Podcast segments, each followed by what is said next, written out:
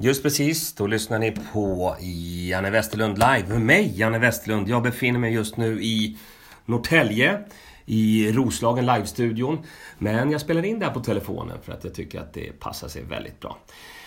Eh, det här avsnittet presenteras ju utav House of Comedy. Tre stycken klubbar runt om i Stockholm. Det finns Kungsholmen, det finns Gamla stan och det finns City. Så kolla in houseofcomedy.se. Massa kul stand-up där. Dagens avsnitt kommer givetvis att handla om det som hände för sju år sedan.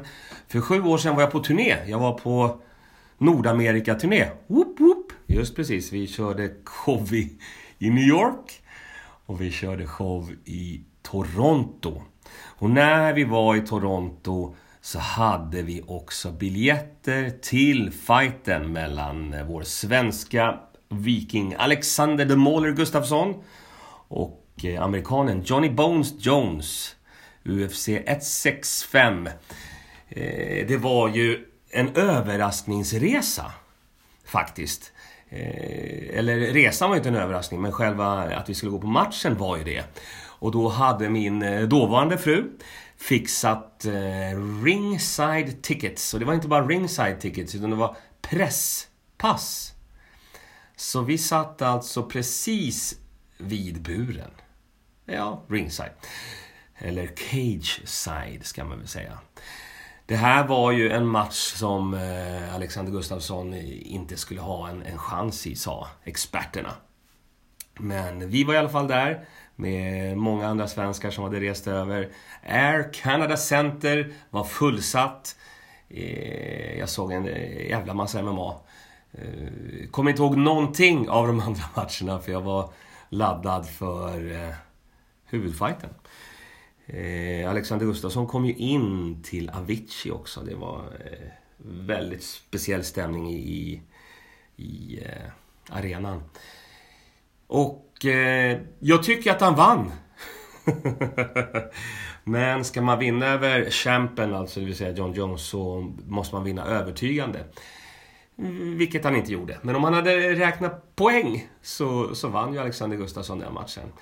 Eh, det var en fantastisk stämning i arenan. Jag satt...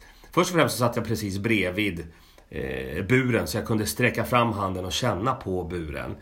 Eh, det visade sig sen att det inte var min plats, utan det var, det var fotografens plats. Så hon tog den platsen. Jag fick sätta mig på eh, pressbänkar som var en liten bit eh, ifrån. Sitter jag bredvid Mats Olsson.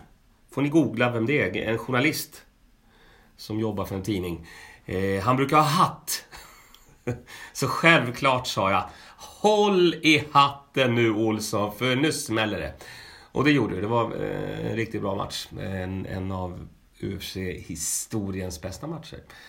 Eh, mm, jag, jag, kommer ihåg... Eh, jag kommer faktiskt, faktiskt ihåg efteråt. Så då stod jag precis där Alexander Gustafsson gick ut.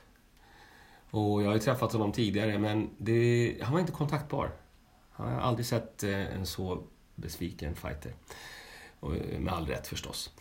Så att... Eh, mm, det var en, en härlig resa. Vi var ju också på Vapor Center. Eh, man får alltså då odla egen odlad biodynamisk Marlboro. Så jag uppträdde på ett ställe där få, alla, förutom jag då förstås, var höga. Eh, jag fick en standing ovation av, av ett helt gäng kanadensare som hade rökt på i hela eftermiddagen och kvällen där. Segaste standing ovation jag varit med om. Men summa summarum, en härlig resa. Håll utkik efter våra svenska fighters. Vi har ju några riktigt häftiga på gång. Eh, de tränar ju på Allstar allihop tänkte jag säga. Inte allihopa, men många. Så håll utkik efter det. Jag kommer däremot att ladda upp för Superior Challenge det blir i december, jag återkommer med alla detaljer. Jag kommer inte att gå någon match förstås, jag kommer jobba som ring announcer. Ring announcer, det är han som är i... Han eller hon. Det finns också hon i Asien. Ja. Eh, den som går in i buren och presenterar Ladies and gentlemen, in the blue corner we have a fighter all the way from la la la. Inte från la la la, ja ni fattar. Så det är det. Vi får väl prata mer sen. Nu har jag berättat eh, den här lilla anekdoten. Sju år sedan idag som jag såg den matchen i Toronto. Kul! Vi gör ju fler grejer, så håll utkik efter Janne Westlund live. Ha en trevlig vecka. Hej!